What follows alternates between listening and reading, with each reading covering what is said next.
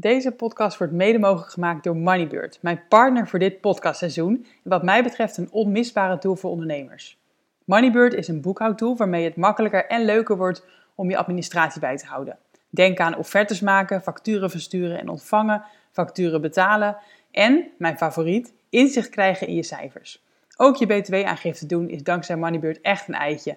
En je kan sinds kort zelfs ook een zakelijke bankrekening erbij openen. Ik gebruik Moneybird al vanaf het moment dat ik ondernemer werd. Via de link in de beschrijving van deze podcast kan je Moneybird nu 120 dagen gratis proberen.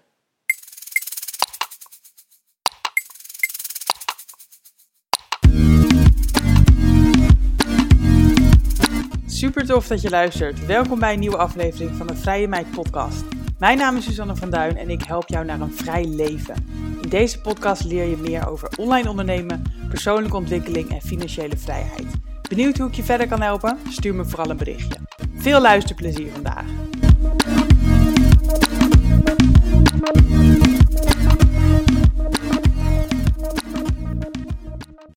Linde van der Heijden, op Instagram bekend als Linde Jelena, geeft ijsbadworkshops en ademcoaching. Daarnaast biedt ze een jaarprogramma aan om dieper met jezelf en je intuïtie te verbinden. Ik volg zelf begin, sinds begin dit jaar dit programma en ben fan. Twee jaar geleden interviewde ik Linda al eens over geld verdienen met wat je leuk vindt. Vandaag gaan we het hebben over hoe ze haar eigen bedrijf hard liet groeien, haar marketingstrategie en vanuit zelfliefde jezelf uitdagen en een oerkracht aanboren. Welkom Linde. Ja, leuk om hier te zijn. Ja, heel blij dat je er bent. Ehm, ja, we kennen elkaar natuurlijk al even. Voor de mensen die het niet helemaal uh, scherp hebben. We hebben dus een podcast al opgenomen. Dat was nummer 39, als ik het goed zeg. Dat is alweer twee jaar geleden. En wat, ja, wat is er een hoop gebeurd eigenlijk sindsdien? Ja, zeker. Mijn uh, bedrijf is uh, heel erg gegroeid. En wij hebben elkaar ook beter leren kennen. En ehm, ja, heel veel stappen gezet sindsdien. Ja, want ik weet, ik heb het vanmorgen nog even teruggeluisterd ter voorbereiding. Maar twee jaar geleden uh, werkte jij volgens mij ook nog naast je bedrijf in het theater, volgens mij, of voor het theater. Mm -hmm. En uh, ja. toen had je volgens mij een jaar of zo pas echt de ijsbadworkshop uh, live staan. En mm -hmm. ja, hoeveel zijn er inmiddels gegeven? Hoeveel ijsbadworkshops? Oeh, hoeveel precies weet ik niet, maar ik zit wel inmiddels op dat ik 2000 mensen in een ijsbad heb begeleid. Dat hou je dus, wel bij, uh, die teller. Ja, ja het aantal ah, deelnemers hou ik bij, ja. Meer ja. dan 2000 en, mensen gekozen in een ijsbad.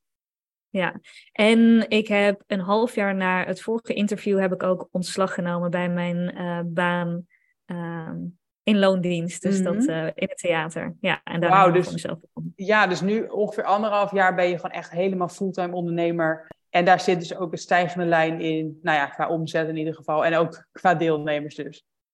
Ja, echt een enorme stijgende lijn. Ja, het is echt verdubbeld zelfs. Dus dat wow. is... Uh, Wat heerlijk. Nou, ik wil er alles van weten. Maar misschien even ter introductie voor de mensen die denken... ja, ijsbad, coaching, wat valt er te coachen? En, en ademcoach, ik adem zelf wel. Wat, wat is het precies? Ja, het ijsbad is um, een hele mooie spiegel en manier om jouw eigen stressrespons te leren kennen. Want wanneer je in het ijs gaat, nou ja, dat is natuurlijk ijskoud. Een koude douche in Nederland is ongeveer 15 graden. Maar een ijsbad is 0 graden.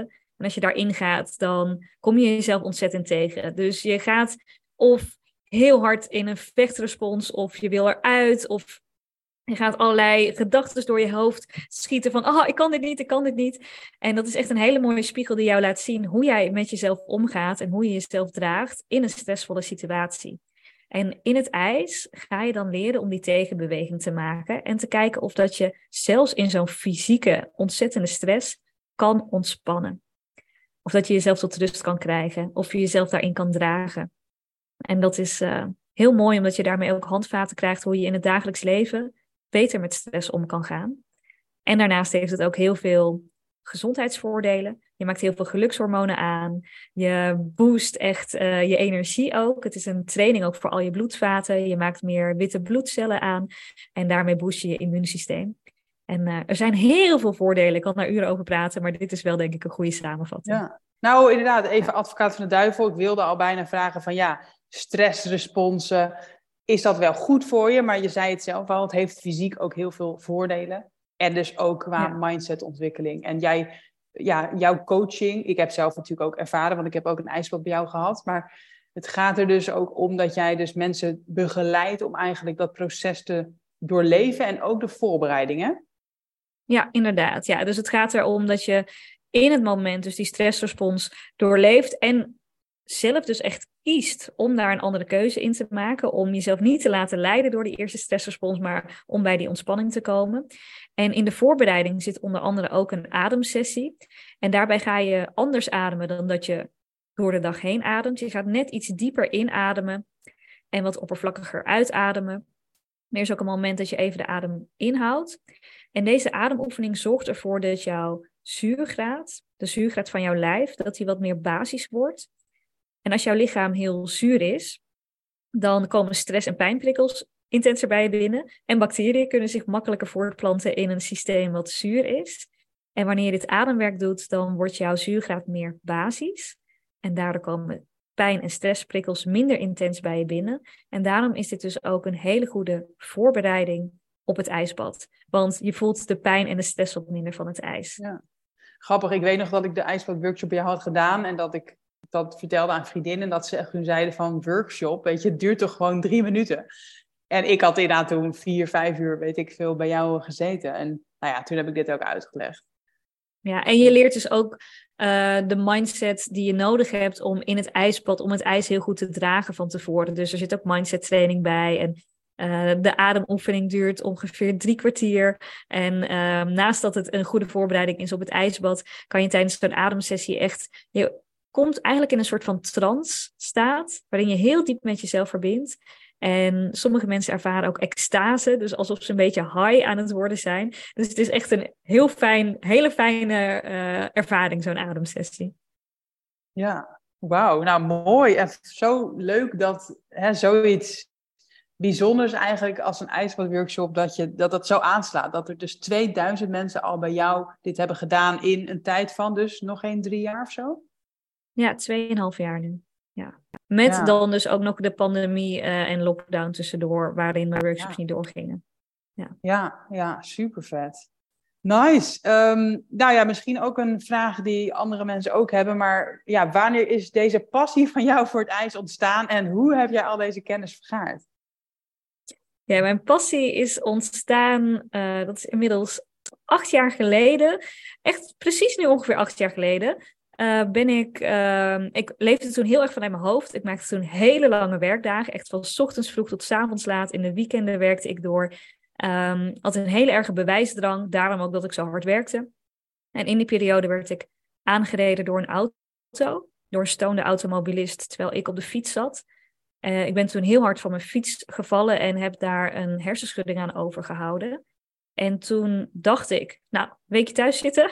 En uh, daarna ga ik gewoon weer lekker aan de slag. Maar uiteindelijk heb ik toen vier maanden thuis gezeten met uh, geheugenverlies, uh, ontzettend overprikkeld. Ik kon helemaal niks meer, alleen maar op bed liggen in mijn eentje. En toen voelde ik me zo zielig en zwak. En toen zag ik een documentaire van, van Wim Hof, de Iceman. En die ging in een Vice-documentaire met een, met een klein groepje mannen gingen ze een berg beklimmen met alleen maar een zwembroek aan. En ze waren een besneeuwde berg aan beklimmen in de vrieskou. En ik dacht alleen maar, hoe kan dit? En ik wil me ook zo krachtig weer voelen. En dat was een soort van lichamelijk gevoel. Alsof mijn hele lijf zei, jij moet daar naartoe. En de jaren daarvoor maakte ik alleen maar besluiten op basis van mijn hoofd. En voor zijn tekens afwegen en analyseren. Maar dit was voor het eerst dat ik echt vanuit mijn lijf een soort van oergevoel voelde, hier moet je naartoe. Ja. En toen ik hersteld was van die hersenschudding, toen uh, heb ik van mijn laatste spaargeld een ticket gekocht. En een half jaar later ben ik uh, met Wim Hof gaan reizen. En stond ik zelf op een bergtop na drieënhalf uur klimmen in de vrieskou. Het was min 30 graden op de top. En daar stond ik in een bikini. Wow. En um, dat heeft me zo'n krachtig gevoel gegeven. Dat heeft echt in mezelf verankerd. Linde, je bent tot zoveel meer in staat dan dat je dacht. En je kan op je lichaam vertrouwen. Want om zoiets aan te kunnen, moet je volledig verankerd zijn in je lijf. En moet je heel goed voelen hoe snel je kan lopen, waar je je voeten neerzet op zo'n gladde bergtop. Moet je in verbinding zijn met de natuurelementen om je heen. En uh, ja, het voelde dus niet alsof ik mezelf over grenzen heen had gepusht, maar het voelde alsof mijn lijf dit heel goed kon door in verbinding te zijn met mezelf. En even voor mij hoor, was je dan die hele reis in bikini of sliep je dan wel in een slaapzak? Of, nou, dat is een hele goede vraag. We waren een week in, uh, in Polen, in het huis van Wim. En uh, in zijn huis hadden we gewoon lekker onze kleren aan. Niet per se in bikini. En dan deden we elke ochtend ademwerk, ongeveer een uur tot anderhalf uur. Waar echt mensen ook knetter high en in extase raakten. En nou, het is echt zo, ik vond het zo bijzonder dat mijn hele lijf ging tintelen van dat ademwerk. Het gaf zo'n fijn gevoel. En daarna gingen we elke ochtend ook zwemmen in ijswater. Ehm, de eerste dag werden we door Wim bovenop een waterval gezet en moesten we zeven meter naar beneden springen in ijswater. En uh, dus dat zijn, we, dat zijn we die hele week gaan doen. Dus ademwerk, uh, in ijswater zwemmen. En we hebben twee bergen beklommen. En de laatste dag was die berg waar het min 30 graden was op de top. En tijdens de bergbeklimmingen hadden we alleen zwemkleding aan. Wauw. Jeetje, dus uh, ja, je hebt daar heel veel van geleerd. En ben je daarna ook in opleiding gegaan nog om dit uiteindelijk te worden? Of hoe werkte dat? Ja, ik heb dus een week daar met hem uh, die training gevolgd. En rond die tijd is hij ook opleidingen gaan starten. En dan uh, was het laatste onderdeel van die opleiding om ook zo'n week met hem in Polen te zijn. En uh, ik ben zo'n vier jaar zelf echt onderzoek gaan doen, verder voor mezelf nog in koude training en gaan verdiepen. Wat is het nu precies wat je moet doen in de kou? Want dat hadden we destijds niet geleerd. We werden gewoon bovenop een waterval gezet en zoek het maar uit. Uh, en door zelf met de kou te gaan trainen, ben ik veel meer die principes gaan ontdekken. Wat moet je nou doen om jezelf tot ontspanning te krijgen in die kou? Wat zijn de stappen die daarvoor nodig zijn? En ben ik eigenlijk mijn eigen methode gaan ontwikkelen en die leer ik nu aan anderen door. Maar het is echt geïnspireerd. Um, in eerste instantie, mijn, mijn liefde voor de kou is echt aangezet uh, door Wim. Ja, wauw. Want Wim Hof, was die toen al zo bekend? Of was, hij, was het toen nog redelijk under the radar? Hij was toen nog redelijk, ja, hij was al redelijk bekend, maar nog niet bij een heel groot publiek. En onze groep in Polen was ook de allerlaatste groep die nog bij hem in zijn huis sliep. Dus we waren toen met een groep van 18. En het jaar daarna werden de trainingen alleen nog maar gegeven door instructeurs en niet meer door Wim Hof zelf. dus daarin heb ik wel echt een unieke kans gehad dat ik nog door hem ben opgeleid en getraind. Ja, wauw. En wanneer was voor jou het, het punt dat je dacht van oké, dit wordt ook mijn baan? Of hè, ik ga ook dit doen. Ik ga ook ijsbadworkshops geven bijvoorbeeld. Ja. Ik ben daar eigenlijk een beetje per ongeluk uh, ingerold. Ik ben mijn uh, vrienden, mensen in mijn omgeving gaan trainen in ademwerk en koud zwemmen. En ik werd toen op een gegeven moment, ik denk vier jaar, nee, dat is niet vier jaar daarna. Nee, volgens mij een jaar later, een jaar nadat ik met Wim in Polen ben geweest, toen werd ik gevraagd om een ijsbadworkshop te geven voor een heel groot Nederlands bedrijf. Um, dat was voor een bedrijfsfeest. Daar zou ik 250 mensen in één dag in een ijsbad coachen. Ik werd overgevlogen naar Sicilië om daar uh, een workshop te geven. En dat was mijn allereerste ijsbadworkshop. En dat voelde zo fantastisch om te doen. En het was ook heel bijzonder die dag. Iedereen was zo fan van de workshop. Iedereen was zo vol lof dat ik dacht, ja, als dit mij zo makkelijk en met zoveel plezier afgaat, dan wil ik hier heel graag meer van. En toen ben ik gaan nadenken over van, hey, wil ik hier ook echt mijn werk van maken en wil ik dit nog meer gaan doorgeven? Ja, wauw, maar ook wel vooruitstrevend van dat bedrijf, dat ze dus destijds al dat als bedrijfsuitje eigenlijk deden. Ja, ja, ze hadden een paar challenges die ze wilden doen die dag. En, uh, en Deelnemers konden dan zelf kiezen waar ze wilden aansluiten. Want in totaal waren er duizend mensen op dat bedrijfsfeest. Het was een heel weekend in Sicilië. En, uh, en als onderdeel was dus ook uh, het ijsbad. En hoeveel, hoeveel vraag je daar dan voor? Want je had op dat moment nog nooit zoiets gedaan. Wat heb je toen bedacht? Nou, ik heb daar dus ook niks voor bedacht eigenlijk. Zij hebben mij gewoon een bedrag genoemd. En toen dacht ik, ja, hier doe ik het voor. Oh, het was ja. 3250 euro. Oh, wat ik... Ja. Uh, is ook nog lekker. Ja, en ik mocht dan dus ook, um, zij regelden het vliegtuig, want natuurlijk heel hun personeel werd ook overgevlogen met hun eigen privévliegtuigen volgens mij.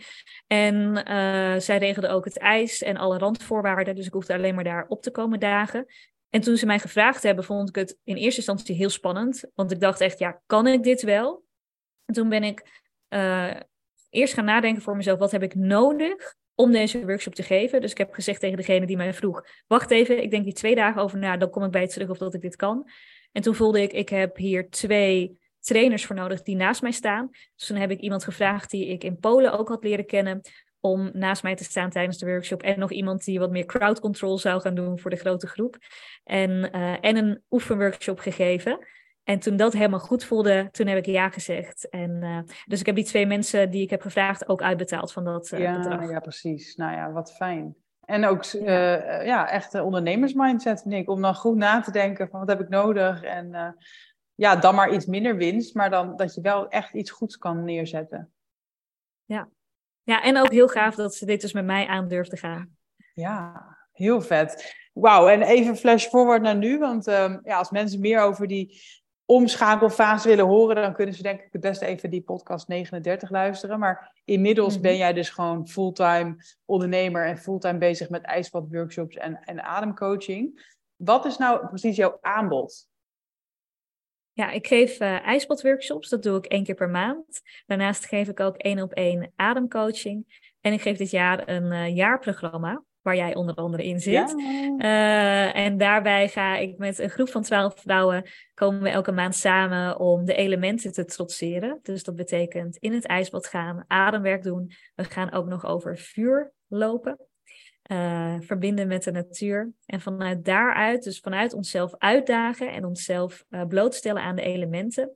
Dat we dat niet per se gebruiken als een soort van tjaka-energie. Kijk eens even onszelf over onze grenzen heen pushen. Maar juist de elementen gebruiken om dieper met je lichaam te verbinden en thuis te komen bij jezelf. Mooi. Ja, ja, ik ben fan. Ik uh, doe dus mee met het jaarprogramma, maar dat heb ik al in een eerdere podcast gedeeld. Dus mensen weten dat als het goed is. Um, nog even over, over het financiële gedeelte. Hè? Want ik vind het altijd wel inspirerend om te laten zien van... hé, hey, je kan dus met iets bijzonders, iets leuks, iets creatiefs... kan je ook je geld verdienen. Jij komt hier helemaal van rond, toch? -hmm. Ja, ik kom hier helemaal van rond. En voor mij was het ook een... Uh, kwam ik ook uit een situatie... Ik heb denk ik van mijn twintigste tot mijn 31ste... ongeveer van 1000 euro rond moeten komen. Wow. Uh, sommige jaren ging het wel naar 1200 of 1600 euro. Toen ik 1600 euro per, jaar, per maand verdiende, toen uh, ben ik al die reizen gaan boeken naar Polen. Heb ik me laten opleiden tot vuurloopinstructeur en heb ik allemaal van dat soort mooie dingen gedaan. Maar ik heb uh, hele lange tijd dus rondgekomen van weinig. En voor mij was het dus ook echt nodig om door geldblokkades heen te werken van hé, hey, ik mag geld verdienen, ik mag geld vragen voor de waarde die ik lever. En uh, sinds ik daar doorheen ben gebroken en ook heel veel mooie reviews en blije klanten heb, weet ik ook dat ik mijn prijzen uh, mag verhogen en dat ja. ik dus mooie producten uh, kan bundelen en nog meer dingen daarin samen kan brengen. En nu, nu kom ik wel lekker rond, ja. Ja, want nu is het wel meer dan die 1600, denk ik. Ja, ja, dus nu ja. verdien ik uh, per maand is mijn omzet is um, 7000 euro per maand, maar mijn kosten zijn heel hoog. Dus uh, mijn kosten zijn ook nog eens 3000 euro per maand. Dus dat is ja. nog niet uh, waar ik wil zijn. Qua kosten, die zijn nog wat hoger dan ik zou willen. Maar dat is ook weer elke keer bijsturen en, um, en aan de knoppen ja. draaien. En, ja. ja, want um, even voor de mensen die misschien niet helemaal nog thuis zijn in hoe het werkt. Dus 7000 euro omzet, daar gaan dan kosten vanaf. Dat zijn je zakelijke kosten die je bedoelt. Hè? Dus locaties, ijsblokjes, mensen, dat soort dingen. Mm-hmm. En dan blijft er zeg 4000 euro over. En dan moet je ook nog belasting betalen. Dus het is ja. niet zo dat je elke maand 4000 euro netto uh, lekker kan uitgeven. Nee, zeker niet. Nee. en ik blijf ook. ja, en ik blijf ook ik blijf ook doorleren, dus ik doe ook altijd opleidingen. En dat zijn dus ook weer extra kosten die je maakt. En, uh, ja. ja. Ja, precies. Dat is altijd goed om even te laten weten. Ik bedoel, het, is, het klinkt echt of je heel rijk bent met 7000 euro omzet, maar eigenlijk ja, is het helemaal niet zo heel veel geld. En inderdaad, nou ja, vakantiegeld, uh, pensioen, ja, dat moet je ook nog allemaal zelf regelen.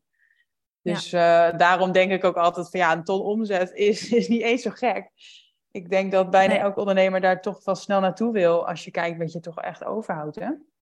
Ja, precies.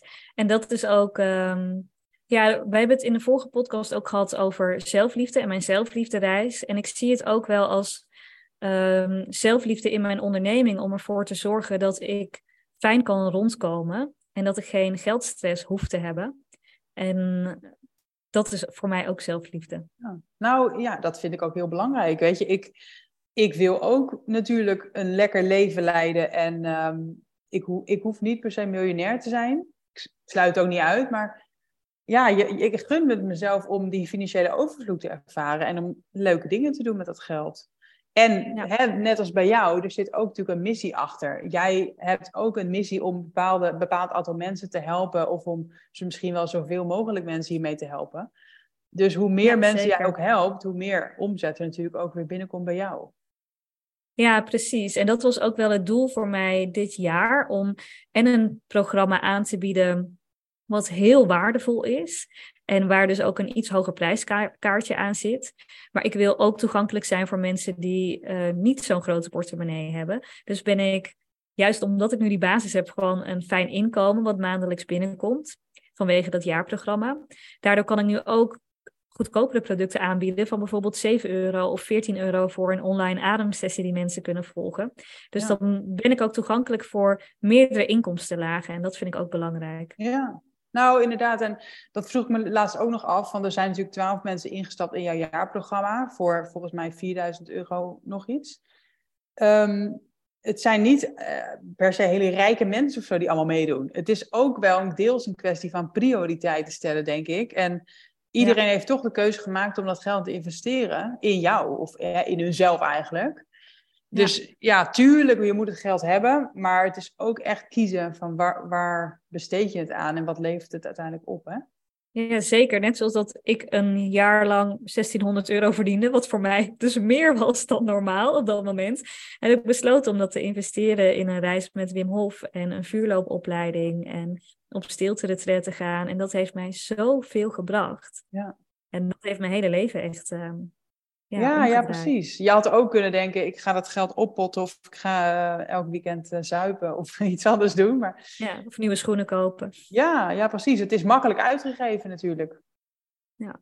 Even over uh, jouw marketing, hè? want 2000 mensen in een ijsbad, dat is heel knap. Zoveel klanten. Mm -hmm. um, maar hoe doe je dat dan? Hoe zorg je dat al die mensen bij jou terechtkomen en denken van, dit gaan we doen? Wat is jouw marketing of sales methode? Ja, ik heb niet per se een heel opgezet plan. Ik vind het vooral heel erg leuk om vanuit inspiratie en plezier te delen. Dat doe ik voornamelijk via Instagram. Dus ik heb afgelopen winters bijna elke dag ben ik gaan winterzwemmen. En dan deel ik daarover dat ik weer lekker ergens in de haven of in een, uh, in een meertje lig. En dan geef ik mensen ook heel veel tips over hoe ze dat zelf kunnen doen. Wat de voordelen zijn van koude training. Waarom het zo fijn en leuk is om dat te doen. En ook dat mensen daar gratis dus makkelijk mee aan de slag kunnen. Door koud te douchen of zelf te gaan winterzwemmen. En als ze daar extra begeleiding bij willen. Dat ze dan bij mij terecht kunnen natuurlijk voor de, een ijsbadworkshop. Dus mijn marketingplan is eigenlijk voornamelijk vanuit plezier en inspiratie delen. En uh, wat ik ook altijd vraag aan mensen die mijn workshops volgen, is dat als ze er via social media over gaan delen, dat ze mij dan taggen. Dus dat mm zorgt ervoor dat ik bij een nieuwe groep volgers ook zichtbaar ben, omdat mensen meteen kunnen doorklikken als ze lezen dat iemand een fijne ervaring heeft gehad bij mij. Maar in principe hebben we het dus wel de hele tijd over Instagram en dan ook organisch. Ja, dan hebben we het over Instagram en organisch. Ja, ja, dus en ik ben dus ook, uh, ja, en ik ben twee keer viral gegaan uh, dit jaar. Via Reels en via TikTok. Of Reels? Ja, op oh, TikTok. ja. ja, allebei. Ja. Ja, dus inderdaad, jij deelt heel veel vanuit jezelf, vanuit je eigen passie. Dat, dat, daar geloof ik ook helemaal in. Maar inderdaad, het kanaal wat je hebt is Instagram. En je bent niet aan het adverteren bijvoorbeeld. Nee, ik doe het heel af en toe. Dus bijvoorbeeld vorige zomer heb ik een gratis zelfliefde challenge gegeven. Daar deden toen 500 mensen aan mee. En toen heb ik drie dagen een advertentie uitgezet. Maar ik ben daar eigenlijk nog niet, zeg maar, expert in hoe je dat eigenlijk het beste zou kunnen aanpakken. Maar af en toe doe ik dat dus wel even, dat ik een, uh, een advertentie eruit zet, maar eigenlijk nog niet voor mijn ijsbaden. Nee, en überhaupt, weet je, adverteren, dat kan natuurlijk goed werken. Maar ja, als je, als je weet ik veel, stel je geeft 1000 euro uit een advertentiebudget en het levert dan 500 gratis inschrijvingen op. Maar ja, wat, wat haal je dan uit die 500 gratis aanmeldingen? Als dat vervolgens niks oplevert, dan is 1000 euro eigenlijk nog steeds weggegooid geld. Terwijl als een aantal mensen dan een workshop boeken, dan heb je natuurlijk terug ja, precies. En wat voor mij ook gewoon heel goed werkt, ik vind het ook echt een feestje. Waar ik het meest blij van word in mijn onderneming is transformerende workshops. creëren. Dus echt zorgen dat mensen een transformerende, fijne ervaring hebben gehad. En omdat dat mij plezier geeft om dat te creëren, zorgt dat er ook voor dat ik hele blije deelnemers heb die er heel graag over delen. Dus dat is natuurlijk ook gewoon een vorm van marketing. Zorgen dat je hele blije klanten hebt die over jou vertellen. Ja. Nou, en wat je ook heel slim doet, ik was er natuurlijk bij, is jij filmt of maakt foto's van mensen. En iedereen wil dat weer delen op hun eigen kanalen. Want hallo, ik heb in een ijsbad gezeten. Dus het, het product leent zich er ook heel erg voor om het te delen. En dat is denk ik ook echt een, um, ja, een win. Ja, Het, uh, het ijsbad is heel Instagrammable. Ja, precies, dat ja. Hey, en uh, volgens mij, als ik het een beetje zo van de zijlijn zie, dan is er de laatste jaren echt wel um, een groeiende populariteit. Hè? Dus Wim Hof is bekender geworden. Mensen gaan vaker in ijsbaden. Dus ik denk ook dat er steeds meer ijsbad- en ademcoaches uh, komen. Ervaar jij dat ook zo? Ja, er is echt, uh, zeker in Nederland zijn er heel veel ijsbadtrainers bijgekomen. En daarin verschilt het ook een beetje in kwaliteit. Er zijn natuurlijk mensen die officieel Wim Hof instructeur zijn. Maar er zijn ook mensen die ooit een keer zelf zijn gaan winterzwemmen en denken, oh, dit kan ik even doorgeven aan iemand anders. Zonder dat ze weten hoe je iemand moet voorbereiden, zonder dat ze ook weten wat bijvoorbeeld de veilige grenzen zijn waarbinnen je iemand kan trainen. En daar is wel veel verschil in. Dus het is wel belangrijk dat als je in het ijsbad wil gaan, dat je dan een, eh, een coach zoekt die daar goed in is opgeleid en die goed weet hoe ze je veilig kunnen voorbereiden. En heb je dan wel eens ja, een beetje negatieve gevoelens als je van die amateurs eigenlijk ziet promoten bijvoorbeeld? Dat je denkt van ja, hallo, jullie weten eigenlijk niet zoveel en ik heb zoveel opleiding en jullie jatten mijn klanten? Um, nou, dat mensen mijn klanten, uh, klanten jatten, dat, daar voel ik nooit zoveel op, omdat ik gewoon altijd zoveel klanten heb, dat ik niet echt het gevoel heb dat mensen uh, klanten bij mij weghalen. Maar wat ik wel heel uh, erg vind, is dat je brengt mensen letterlijk in gevaar. En ik heb heel veel verhalen gehoord van mensen die bijvoorbeeld die bij mij in een workshop komen en eerder een workshop hebben gevolgd en over hun grenzen heen werden gepusht, waardoor ze moesten overgeven, waardoor ze een trauma hebben opgelopen in het ijsbad. Zelfs iemand die ooit een keer zelf een ijsbadworkshop had gevolgd en toen bij een NLP-cursus um, ook mensen in een ijsbad ging begeleiden. En toen is er iemand afgevoerd in de ambulance. Gewoon omdat er geen goede voorbereiding was en uh, er niet goed wordt gelezen ook. Want dat is ook belangrijk als ijsbadtrainer. Dat je leest als iemand in het ijsbad zit aan iemands gezichtsuitdrukking, aan iemands adempatroon. En in welke stressrespons zit iemand. Zodat je ook kan bijsturen en iemand eruit kan halen mocht iemand uh, het toch te intens vinden. En het ijsbad is heel veilig als je uh, korter dan drie minuten in het ijsbad zit. Maar als je die veiligheidsgrens al niet eens kent, ja, dan ga je mensen over hun grenzen heen pushen. En dat wordt gewoon gevaarlijk. En vooral dat vind ik kwalijk. Dus um, ik denk als iemand um, voor heel goedkoop een ijsbad aanbiedt en niet zo heel veel ervaring heeft. En dat mensen denken, nou, ik ga daar lekker voor uh, ehm, 50 euro goedkoop een ijsbadworkshop doen. Lekker doen, als je daar blij van wordt. Maar ik vind het wel kwalijk als dan zo'n coach niet op de hoogte is van hoe je een goede workshop geeft en hoe je mensen veilig houdt. En als mensen echt goede voorbereiding willen, um, in mijn workshop is het altijd een kleine groep met 12 deelnemers. We staan altijd met drie tot vier coaches voor je klaar. Dus er is veel persoonlijke begeleiding. Mensen maken grote transformaties door. En daar betaal je dan dus wat meer voor. En dat is ook de keuze die je maakt. En dat is ook persoonlijk. Dus als je wat minder begeleiding wil, is dat ook oké. Maar ga wel bij een goede coach dan. Dus je hoeft absoluut niet bij mij te gaan. Ga lekker bij wie jij je goed voelt. Maar ga wel bij een coach die weet hoe die je veilig moet houden. Ja, ja ik heb nooit bij iemand anders natuurlijk een workshop gevolgd. Dus ik weet ook niet helemaal hoe het normaal gaat. Maar ik vind jou inderdaad gewoon heel, heel, ja, een soort van rustig en zacht. En inderdaad echt uh, probeer te ontspannen in het ijsbad. In plaats van hou vol, hou vol, hou vol. Want er zijn dus ook workshops die juist daarop focussen, toch? Ja, dus de meeste workshops gaat het er eigenlijk om dat je de drie minuten moet aantikken en uh, echt zo lang mogelijk in het ijs moet blijven. Om maar de voordelen te ervaren of zo. Nou ja, meer gewoon om jezelf uit te dagen en dat je een krachtig gevoel hebt. Mm Terwijl ik vind het veel krachtiger als ik niet voor een ander bepaal hoe lang je erin zit, maar dat je zelf gaat voelen hoe lang je wilt blijven. Dus dat je in het ijs zit en gaat voelen, Uh, tot hoe ver kan ik gaan? Waar ligt mijn grens? Kun je ook je grenzen eren? Kun je jezelf uitdagen? En niet het goed doen voor de juffrouw. Kijk, ik kan wel zeggen van uh, je moet drie minuten blijven zitten. En dan gaan mensen helemaal in de vechtstand en zorgen dat ze het goed doen voor mij en drie minuten blijven zitten. Maar ten koste van zichzelf. En dat is, ja, is geen transformatie. Dan ben je gewoon een opdracht aan het uitvoeren omdat het zo moet. Terwijl als jij gaat zitten in het ijs, je gaat voelen en jij hebt eigenaarschap over hoe lang je blijft. En daarin voor jezelf dat dus moeten invoelen, waar je grens ligt.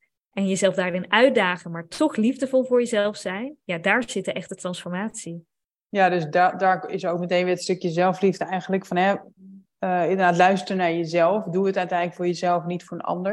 Maar ik vind het soms zo lastig om um, goed te voelen. Of hè, is dit nou mijn gevoel die zegt: Ik ben nu echt klaar met het ijs? Of is het mijn hoofd die zegt: Ga er maar uit, dit is koud?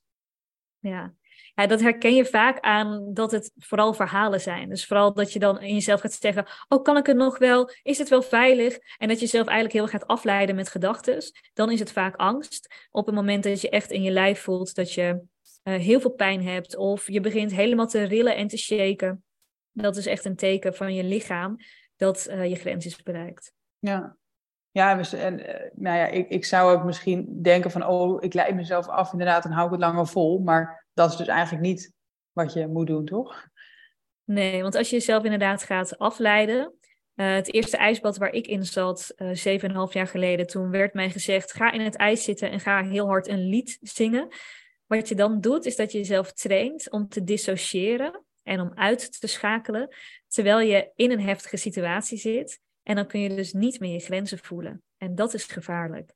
Het is heel erg belangrijk dat je je grenzen voelt wanneer je in de kou zit en wanneer je dus uh, tot de grenzen van je kunnen bent gegaan. Ja, en, niet alleen in het ijs, maar in het leven. Ja. ja, en het is ook zoveel krachtiger als je in het ijs bijvoorbeeld wel drie minuten blijft zitten, maar helemaal op eigen keus. Omdat jij voelt dat je zo ver wil gaan. In plaats van dat je het doet omdat een workshopleider dat van je vraagt. Ja, ja want uiteindelijk ben je er voor jezelf. Ja. Ehm, ik hoor bij jou heel vaak het woord zelfliefde vallen. En volgens mij heb je dat zelfs ook in je Instagram bio, hè? Mhm. Ehm, hoe... Ja, ik, ik, ik ken ook jouw verhaal al een beetje. En dat, dat heb je ook kort verteld al in de vorige podcast. Maar hoe ben jij nou dit gaan doen? Hoe ben jij nou meer van jezelf gaan houden? Ja, ehm, ja het kwam eigenlijk vanuit een plek dat ik echt niet van mezelf hield. En dat heeft ermee te maken met dat ik ook weinig bedding en steun in mezelf voelde. Ik heb in mijn jeugd heel veel dingen meegemaakt. Um, aan afwijzing, aan uh, traumatische ervaringen, die ervoor zorgden dat ik eigenlijk niet zo zeker was over mezelf. En dat zorgde er weer voor dat ik um, negen jaar geleden ongeveer in een soort van scharrelrelatie kwam met iemand voor bijna een jaar, die heel slecht met mij omging.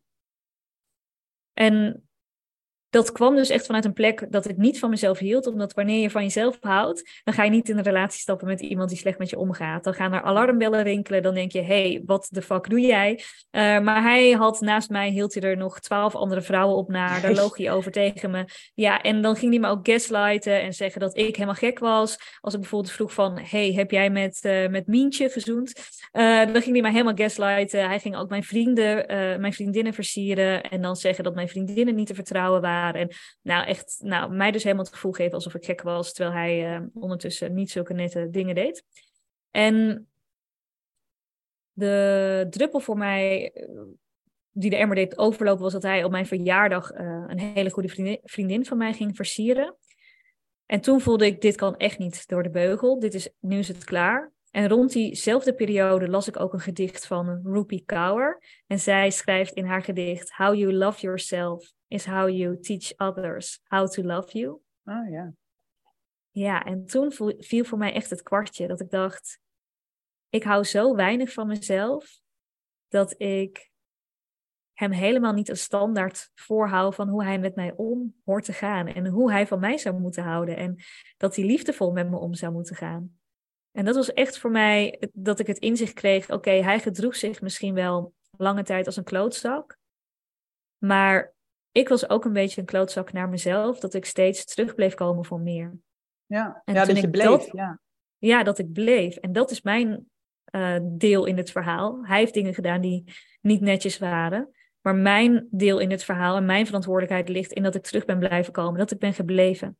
En ik wil niet zeggen dat, kijk, als je echt in een slechte, mishandelende situatie zit, ga alsjeblieft niet de verantwoordelijkheid bij jezelf zoeken. Maar voor mij was dit wel echt mijn, mijn verantwoordelijkheid die ik diende te pakken. Dat ik er zelf ook aandeel aan had in hoe ver het was gekomen, omdat ik bleef.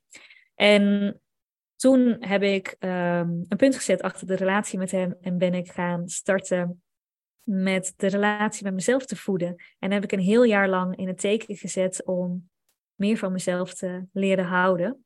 En onder andere, ik ben toen, een half jaar later ben ik toen aangereden door die auto.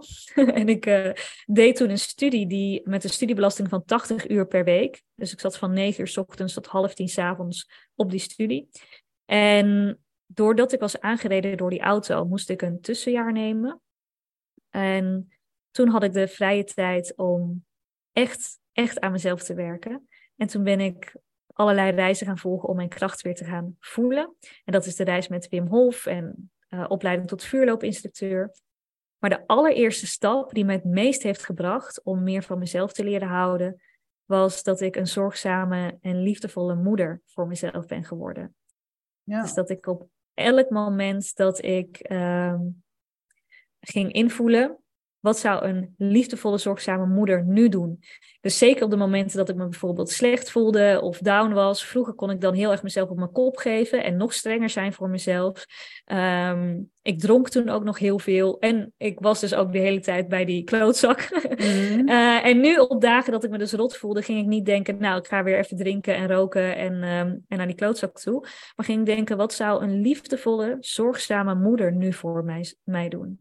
En dan ging ik een gezonde maaltijd voor mezelf koken en mezelf gewoon op de bank zetten met een dekentje en een fijn boek of een fijne film. Toen ging ik ook meer mediteren en meer boeken lezen om uh, meer te begrijpen, hey, hoe werkt zelfliefde nou precies? En dat heeft me heel veel gebracht.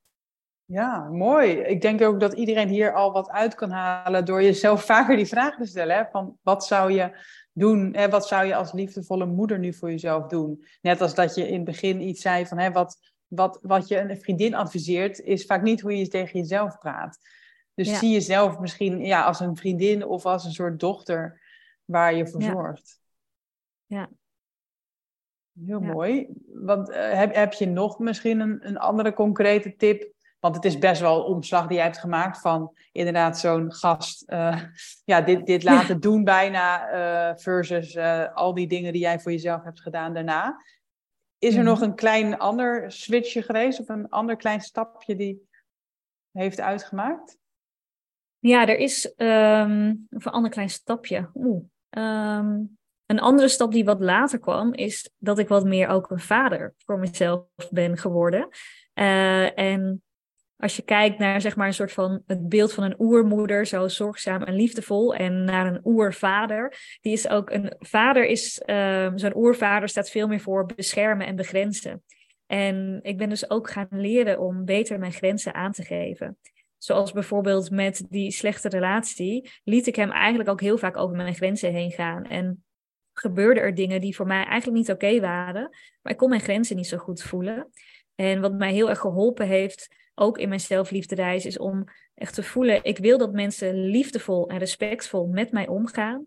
En wanneer ik niet met liefde en respect ontmoet word, dan kan ik daar het gesprek over aangaan. En als, de, als we er niet uitkomen, dan heb ik ook te begrenzen. Ja. En uh, dat is ook een stap die voor mij heel belangrijk is geweest. Ja, ik heb ook, um, nou ja, bijna drie jaar geleden alweer heb ik bij jou een zelfliefde coaching sessie gehad. En dat was eigenlijk ook dit thema, hè? om heel erg ja, te leren wanneer is het genoeg? Wat is voor jou een grens? En om daar bewust van te zijn en hè, die grens, uh, die mag er zijn. En om die dan ook te trekken en dat te laten weten. Ja. ja. En dat kun, kun je op heel veel dingen natuurlijk toepassen. Ook in het ondernemen is dat soms een grens. En hè, dit, dit, dit is mijn grens of dit is mijn prijs. En uh, doe het er maar mee. Ja, ja, in het ondernemerschap heeft het me ook heel erg geholpen om grenzen te stellen. Ook, ik ben de eerste twee jaar van mijn onderneming heel vaak in de media verschenen. En dan word ik ook altijd weer overladen met vragen. En mensen die met me willen samenwerken, En daar komen hele leuke dingen uit, zoals bijvoorbeeld dat wij in samenwerking of dat wij elkaar, ja, dat wij dingen doen samen. Maar ook ehm, samenwerkingen die niet helemaal passen of mij alleen maar heel veel energie zouden kosten. En om dan dus nee te zeggen. Ja iedereen wil wat van je op een gegeven moment. Ja.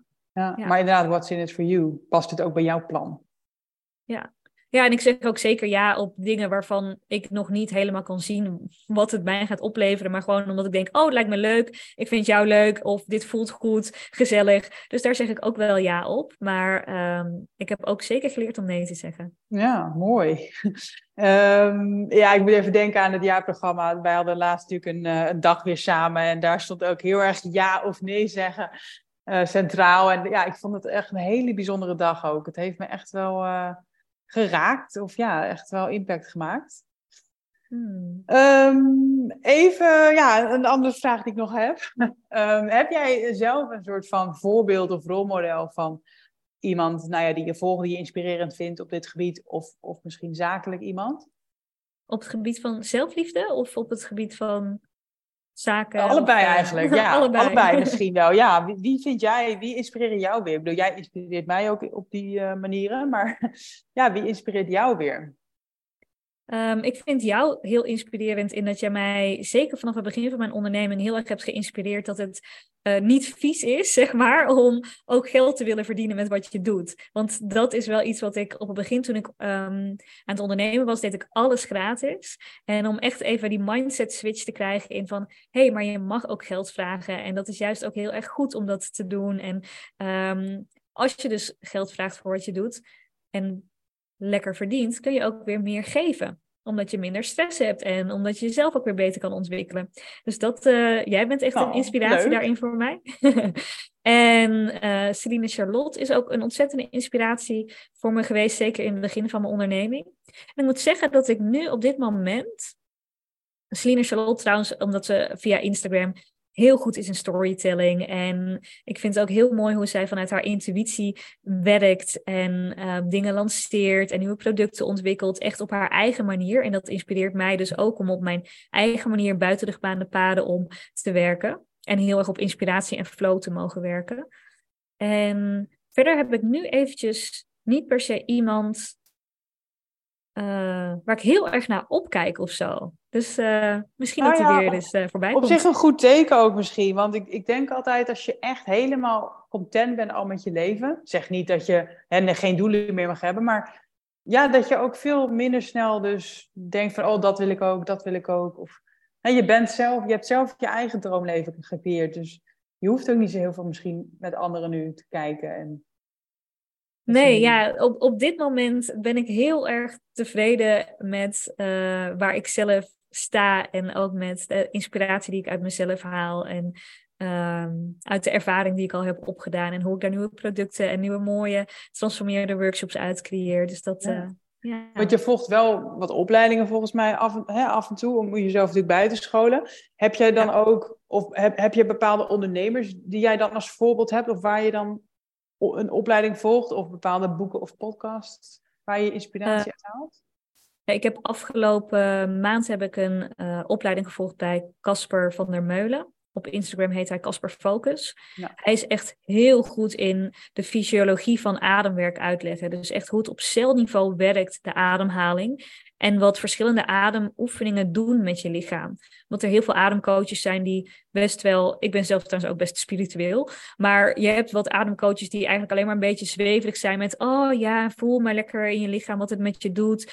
Um, zonder uit te kunnen leggen wat de ademhaling nou precies en wat een andersoortige ademhaling met je doet. Een neusadem zet iets anders in je systeem in gang dan een mondademhaling. Een borstademhaling doet weer iets anders in je systeem dan een buikademhaling. En hoe je dus ook de ademprincipes kan inzetten om jezelf in een bepaalde staat te krijgen. Dus wil jij ontspanning, moet je op een andere manier ademen dan wanneer je juist jezelf in de actie wil zetten of wanneer je focus wil. En dat vind ik ook echt, uh, daar heb ik heel veel van geleerd. Ja, ja nuttig. Ook, ook leuk dat je dat zegt, want laat mensen denken vaak, denk ik, dat het heel zweverig is allemaal. Maar eigenlijk gaat het hier juist over gewoon de pure biologie. Van hoe werkt mm-hmm. ademhaling, koolstofmonoxide, dioxide, weet ik het, al die, al die mm-hmm. elementen in je bloed, uh, zuurstof. Mm-hmm. ja, die balans verandert. Hè? En daarom krijg je ook dat high gevoel. Ja, precies. Ja. En als je het zo uitlegt, dan wordt het ook voor hele nuchtere mensen misschien heel nuttig om dit te gaan doen. Dat ze denken, oh, het, er gebeurt echt iets in plaats van een beetje ademen en uh, spirituele dingen doen. Ja, en ik hou heel erg van die combinatie. Dus dat dingen science-based zijn. En met ademwerk kun je daarnaast ook hele spirituele ervaringen hebben. Ik heb heel veel mensen die ineens beelden zien of een soort van boodschappen doorkrijgen. Een innerlijk weten wat ineens helemaal online komt. Ehm, dat vind ik heel mooi. Maar ik vind het ook belangrijk dat je niet alleen maar mensen een soort van een super high spirituele ervaring geeft, maar niet kan uitleggen, maar wat gebeurt er dan in je lichaam dat je dat high gevoel ervaart. Ja, ja, want ik weet nog al de allereerste keer dat ik, of misschien de tweede trouwens, dat ik ademwerk deed, dat ik ook echt dacht van wat gebeurt hier? Echt, ja, je, je begint met wat ademhalingsoefeningen en even later was het uur voorbij en werd ik soort van wakker uit mijn trance. En dacht ik echt, hè, wat, ja, hoe werkt dit, weet je wel? Wat, wat, wat gebeurt er gewoon? Ja, ja, en dat heeft dus ook te maken met dat tijdens het ademwerk wordt een bepaalde delen in je brein worden actiever en andere delen in je brein worden tijdelijk minder actief. En dat zorgt dus voor die diepe ervaring, alsof je in een soort trance bent en dat je ook veel meer in contact kan komen met je emoties. Dat dat analyserende brein, wat altijd maar controle wil houden, dat wordt tijdelijk minder actief. En dat is voor heel veel mensen echt een, een opluchting en kunnen ze veel dieper ook ontspannen. En dat heeft dan weer te maken met uh, de balans tussen CO2 en zuurstof in je bloed en in je brein. En nou ja, ik, ik kan daar uren over praten, maar dan wordt het een heel uh, technisch praatje. Nou, inderdaad, misschien nog even een heel praktisch voorbeeldje. Als ik dus ademwerk doe, net als de laatste keer bij jouw uh, live dag, ik merk gewoon dat ik bijna altijd krampen krijg in mijn handen. Mhm. En, ehm, en zweten ook. Dat, dat is oh, echt bij mij wat er uitkomt. En van tevoren denk je dat misschien niet van, oh, wat ademhalingsoefeningen doen. Maar ja, mijn hele lichaam mhm. eh, is dan aan het ontladen. En uh, daarna voel je je helemaal herboren. Dat is hoe ik het ervaar altijd. Ja, ja mooi. Ja. Ja, het is, ja, als ik dan thuis kom en ik vertel dan, dan dit soort dingen aan mijn vriend, dan kijkt hij me ook wel eens aan van, weet je, betaal je hier nou zoveel geld voor? En ja, is dit nou leuk, weet je wel? Maar het is, het is ook mhm. niet altijd leuk. Maar daarna uh, levert het je wel wat op. weet je, het is een stukje, stukje persoonlijke ontwikkeling. En ja, dat is niet altijd lachen, gieren, brullen. Maar uiteindelijk uh, groei je daar wel van. Ja, en wat het ademwerk dus ook doet, is dat het je echt een toegang geeft, een snelweg tot je gevoelswereld. En vaak vinden we het spannend om bij ons gevoel uit te komen en onderdrukken we dat.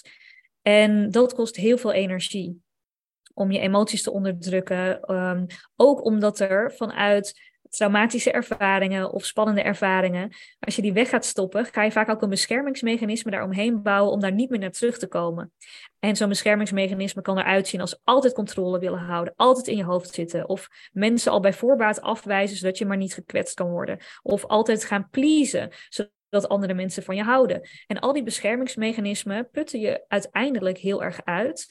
En met ademwerk kun je, krijg je echt een ingang naar jouw gevoelswereld. En kun je ook de kern van een bepaalde verwonding, kun je gaan helen en kun je gaan loslaten. En uiteindelijk levert dat heel veel energie op, omdat je je emoties niet meer onderdrukt, maar ook omdat je kan breken met beschermingsmechanismen en patronen die jou niet meer dienen.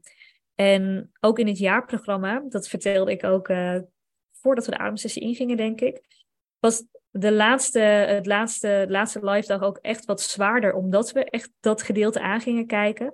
En dat is soms ook nodig om de schaduw aan te kijken en om wat, wat oude ballast los te laten, om daarna weer naar het licht te kunnen groeien. En uh, hierna gaan we eigenlijk alleen nog maar hele lichte dingen doen.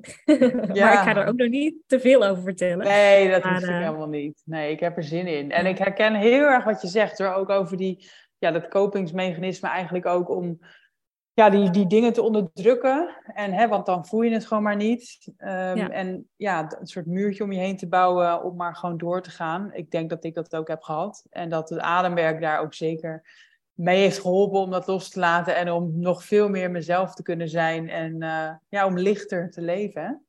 Ja, ja. Heel ja, je kan het leven. Ja, je kan het leven ook gewoon veel meer toelaten en veel meer plezier ook toelaten daarna. En dat is, uh, dat is waar je het dan uiteindelijk voor doet. Ja, want als je naar negatieve gevoelens onderdrukt en, en hè, niets toestaat om te voelen, dan kan je vaak ook de leuke dingen niet voelen. Dan kom je ook niet in contact met, met de leuke dingen die je wilt voelen. Ja. Nou, misschien een laatste vraag alweer. Um, wat zijn jouw doelen nog voor komende tijd? Misschien zakelijk of ook privé, wat je wilt delen?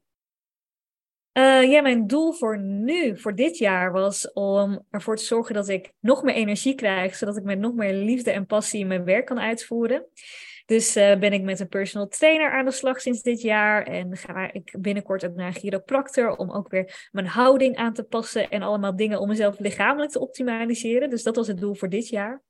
En voor volgend jaar is mijn doel om mensen ook te gaan opleiden in mijn eigen methodes die ik heb ontwikkeld rondom spaceholden en koude training en ademwerk. En uh, daar heb ik heel veel zin in. Wauw, mooi. En ook goed dat je dit doet. Dat je denkt, ja, wat, wat heb ik nodig om te groeien? En nou ja, dat, dat dan nu jouw fysiek op staat om inderdaad personal trainer en chiropractor. En dat je daarna ook weer klaar bent om met je business weer uh, naar een next level te gaan. Ja. Heel mooi. En ook gewoon het geld investeren wat daarvoor nodig is. Want een personal trainer is ook niet goedkoop volgens mij. Uh, nee, maar het is het heel erg waard. Ja, nou goed om te weten, want ik twijfelde ook wel eens over. Terwijl ik investeer in mijn business, investeer ik makkelijk 1000 euro per maand aan een of andere coach. En ja, aan je lichaam ja, vind je dan een sportschoolabonnement van 60 euro soms al te duur. Ja. waar gaat het nou eigenlijk over? Terwijl voor mij uh, ervoor zorgen dat mijn lichaam in topconditie is, ook bijdraagt aan dat ik een betere ondernemer ben. Omdat ik meer energie overhoud voor met, met heel veel liefde mijn workshops geven en aanwezig zijn voor mijn coaches en voor mijn klanten. Dus voor mij, ik vind dit een business investering. Ja, nou ja, je hebt ook helemaal gelijk. Zo moet, zo moet ik het ook zien. En zo, uh, ja, deze, deze neem ik zelf ook weer even mee. Dit is ook eigenlijk weer een beslissing vanuit zelfliefde. En ja, hoe, ik geloof heel erg in uh, een ondernemer of een onderneming groeit zo hard als de ondernemer. Dus als jij inderdaad zelf um, blij bent en sterk en energiek, ja, dan groeit ook die business daarna weer verder. Dus uh, goede volgorde, denk ik. Ja. Nou, dank. Dank voor jouw wijsheid weer en jouw verhaal en, um, en tips. En um, als mensen jou willen volgen, waar kunnen ze terecht? Op Instagram, uh, Jelena en mijn website www.lindejelena.com. Nou, die ga ik vermelden in de beschrijving. En um, nou ja, nogmaals heel erg bedankt. En ik zie jou binnenkort weer bij het jaarprogramma. Ja, superleuk. Super bedankt voor het luisteren. Ik hoop dat deze aflevering tot inzicht heeft geleid. Laat het me weten. Ik zou het heel leuk vinden als je iets over deze podcast kan delen op social media of een review kan achterlaten. Hopelijk weer tot volgende week bij de Vrije Meid podcast.